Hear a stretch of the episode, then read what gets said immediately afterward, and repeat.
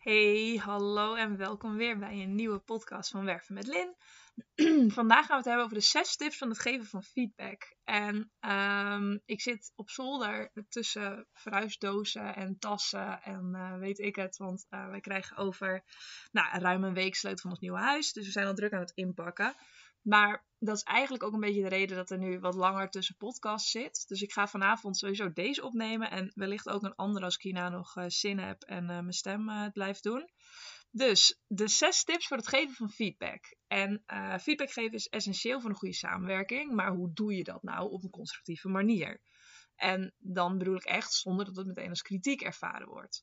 Kijk, ik heb hier op school, ik heb hospitality management gedaan. En dat was een vrij praktische opleiding. Dus we hadden drie dagen les, één dag uh, praktijk en één dag dan cursussen. Dus ik, ik was niet zo fan van school, maar dit was eigenlijk wel een heel leuke uh, insteek om uh, die twee jaar dan zo vol te maken. En een van die cursussen was dan feedback geven. En eigenlijk was het vet simpel, want je moest uh, een paar regels volgen, een soort opbouw van hoe je het geeft. En uh, dan had je hem eigenlijk al. Eigenlijk kan niemand er dan wat tegen inbrengen, omdat je het heel erg, nou ja, spoiler alert, uh, vanuit jezelf eigenlijk vertelt. En dat is wat je wilt bereiken, want je wilt dat het niet een onaangenaam gesprek wordt. Als je iemand eigenlijk in zekere zin wil helpen en of jezelf wil helpen in jullie samenwerking. En ik dacht dus, nou, dit, dit is zo makkelijk, dit is echt wel bekend. En nou ja, misschien een beetje naïef als ik was, dacht ik, volwassen mensen kunnen dit vast. Nou ja, uh, resultaat uh, is dat het uh, niet het geval is. Um, tot op zekere hoogte dat ik zelfs een directeur ervoor heb gewerkt, wel het advies heb gegeven om eens te kijken hoe je feedback geeft. En dit is iets wat zo vaak terugkomt dat ik denk, ja, hier kan ik ook gewoon mee aan de gang. hier schrijf ik stuk over eerlijk is eerlijk, dat is ruim een maand geleden. En hij staat uh, sindsdien op mijn lijst om er ook een podcast over op te nemen. En zodoende dus vandaag de podcast. We gaan het uh, in zes tips doen. En dat zijn eigenlijk heel praktische tips. En um, ja, dat, dat, ik, nou, ik denk dat je er echt wel wat mee kan. En als, dat niet, uh, als het heel onduidelijk is, moet je me gewoon even een berichtje sturen. Maar allereerst, um, onthoud, feedback is een cadeautje. Het is nog geen tip, het is gewoon een intro. Um, het is wel iets, het is echt zo'n zin waar je van moet kotsen, zeg maar. Feedback is een cadeautje. Maar eigenlijk is het wel zo. En ook als je je er niet in kan vinden, uh, goed gegeven feedback gaat niet over jou. Het gaat eigenlijk over de ervaring van de persoon die de feedback geeft. Um, in samenwerking met jou, zeg maar. Dus hij of zij ervaart ergens hinder van, bijvoorbeeld. En die probeert dat aan jou eh, kenbaar te maken op een goede manier. Dus in die zin ontvang het met open armen en zeg dankjewel. Want meer hoeft er niet te zijn. En dat is eigenlijk de grootste les, denk ik, van het feedback geven, is dat je het ook moet kunnen ontvangen. Dus niet ja, maar en hij en ik ben het er niet mee eens. Dat kan, maar dat is in deze niet van toepassing. Dus ik ben natuurlijk geen heilige en ik vind het minstens net zo lastig. Dus ik, ik, ik voel je wel, maar ik denk wel dat dit zeg maar nummer één is. Want zolang jij het niet kan ontvangen, mag je eigenlijk ook niet verwachten dat iemand anders dat wel kan. Hoe goed je het ook geeft. Dus, laten we beginnen. Nou, tip nummer 1 is kijk naar het moment. Is dit het juiste moment? Weet je wel, wordt het überhaupt gewaardeerd dat je de feedback geeft? Kan deze persoon er wat mee? En wordt de relatie beter? Zijn of haar humeur misschien? En denk echt na of het het juiste moment is. Want je geeft feedback met een bepaald doel voor ogen. Um, maar die persoon moet op dat moment daar wel voor openstaan. En als het bijvoorbeeld een super heftige ruzie of vet emotioneel moment of, of heel druk, dan is het soms gewoon niet de juiste tijd om het te doen, omdat de persoon eigenlijk niet de ruimte heeft om die feedback te accepteren, zo gezegd. Dus als jij dan met je heilige, ik ga je feedback op de juiste manier geven, tussendoor komt, is het onwijs lastig als die persoon al ja, zijn emmertje zeg maar vol heeft. Dus dan is het echt een moment om even te denken, wacht even af. Pak een juist moment. En tip 2, haak daar een beetje op in. Uh, wees specifiek en actueel. Dus um, je wilt, nou ja, een klein beetje los van wat ik net als tip 1 zei. Je wilt wel het zo snel mogelijk na het incident geven. Dus wat ik zeg, het moet wel passen en het moet wel kunnen. En anders moet je het heel even uitstellen. Maar ga geen twee weken wachten, want dat is dan weer te veel. Dus je wil dat je feedback specifiek, dus duidelijk en concreet is. En je wil dat het zo kort mogelijk op het incident zit. ehm, dus actueel. En ik denk dat dit bij iedereen wel bekend is, dat je wel eens gesprekken of discussies of ruzies met iemand hebt. En dan komen er af en toe van die oude koeien uit de sloot. Van drie maanden terug. Nou, ja, het is. Ik, ik, ik verwacht dat iedereen wel eens ehm, die neiging heeft. Maar je hebt er niks meer aan. Want je bent in die zin te laat. Je kan niet verwachten dat je dan even gaat terugharken. En dat iemand dan ten eerste nog weet waar je het over hebt. Dat is wel uh, belangrijk. En um, ten tweede, dat hij er ook nog wat aan kan doen. Weet je, er zijn zoveel dingen veranderd in die tijd. Dus wees specifiek en actueel. Tip 3. Uh, eh, denk goed na of beide partijen er voordeel uithalen. Dus zowel jij als de andere persoon kunnen jullie er voordeel uithalen. En um, is er dus iets wat die persoon wie jij feedback gaat geven uh, ook kan verbeteren? Halen jullie er beide voordeel uit? Of is het iets waar die persoon misschien juist niks aan kan doen? Um, uh, uh, ik probeer een voorbeeld te bedenken, maar weet ik veel, als iemand stem, ja, dat is echt heel lullig dit. Als iemand stem bijvoorbeeld irritant is, dan kan je heel erg op gaan zeggen, je stem is irritant, maar als die persoon er niks aan kan doen, omdat dat feitelijk zijn of haar stem is, dan demotiveer je die persoon alleen al en is het gewoon echt ronduit lullig. Dus kijk of uh, zowel jij als de andere partijen er voordeel uit kunnen halen. En tip 4. Um, ehm, wissel af. Ik zit even te denken, want ik zit even mijn notities voor te lezen. En denk, wat bedoel ik nou ook weer mee? Maar um, we hebben het dus over uh, corrigerende feedback, eigenlijk al deze tijd. Je kijkt naar iets wat je wilt dat een ander verbetert, of waar jij hinder van ondervindt. En dat wil je eigenlijk aangepast worden, uh, zien worden. En Um, dat is hartstikke goed en als je dat goed geeft is het ook heel prima. Maar onthoud wel dat alleen maar feedback, corrigerende feedback, alsnog demotiverend kan werken.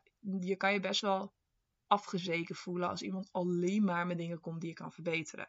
Dus wissel zowel positieve als corrigerende feedback af. En dan zijn we ondertussen beland bij tip nummer 5. Um, ehm, en dat is eigenlijk heel simpel. Hoe geef je specifiek feedback? En dat gaat over de vier G's. En dan hebben we het over gedrag, gevoel, gevolg en gewenst.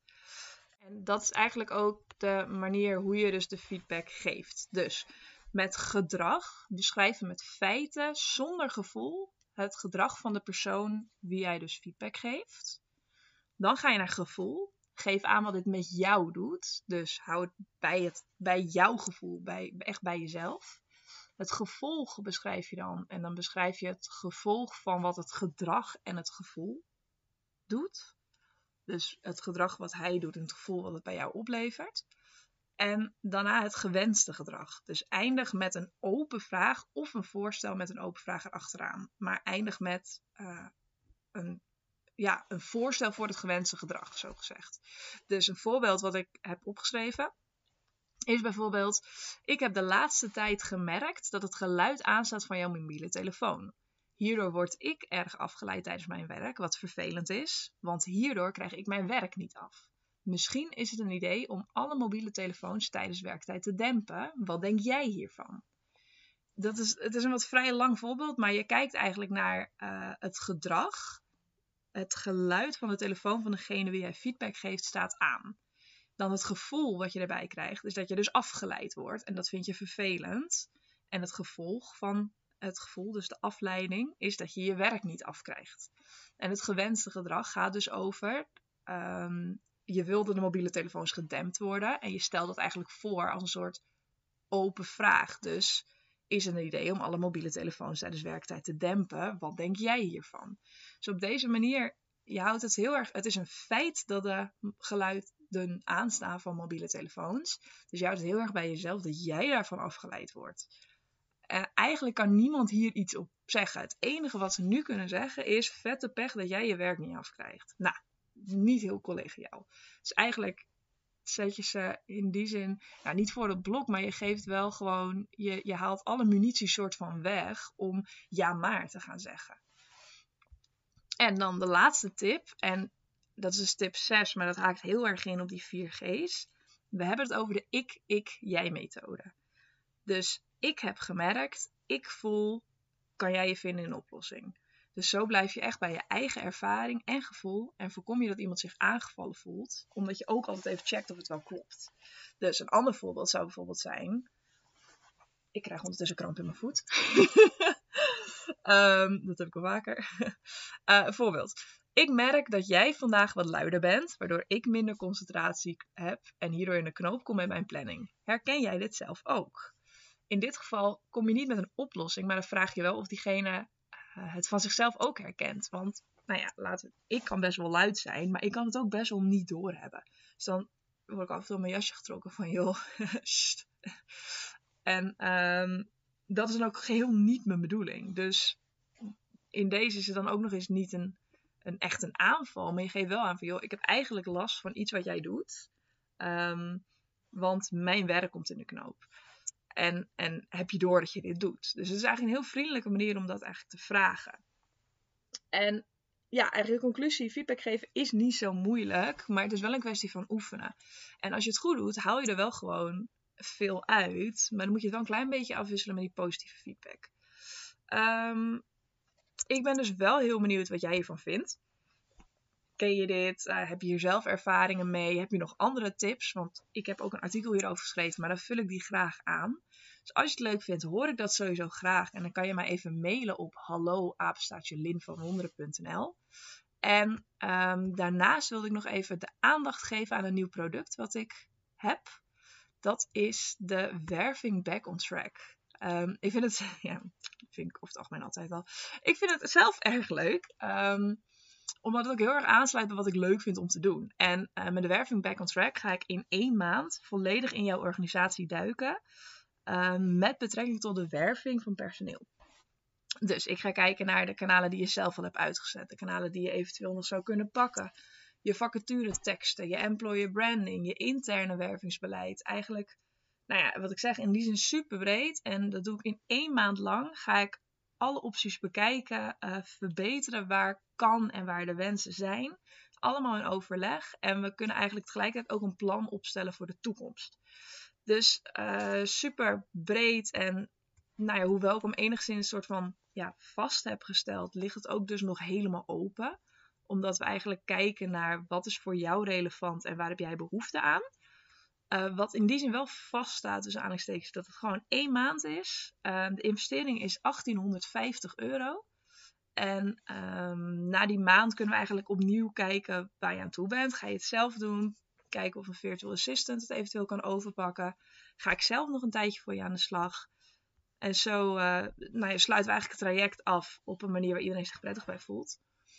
Um, nou ja, dat. En neem vooral een kijkje op mijn website. Als je gewoon naar www.linvanwonderen.nl gaat, heb ik een kopje werken met Lin. En daar staan gewoon mijn trajecten onder. Als je het leuk vindt, ik deel ook gewoon even een link van het artikel en van de pagina van de Werving Back on Track in de show notes. Dus daar kun je altijd even naar kijken. En um, nou ja, ik hoop dat je er wat aan hebt gehad natuurlijk. En wat ik zeg, mocht je vragen hebben, dan hoor ik dat graag. En ik wens je nog een hele fijne avond. Dag!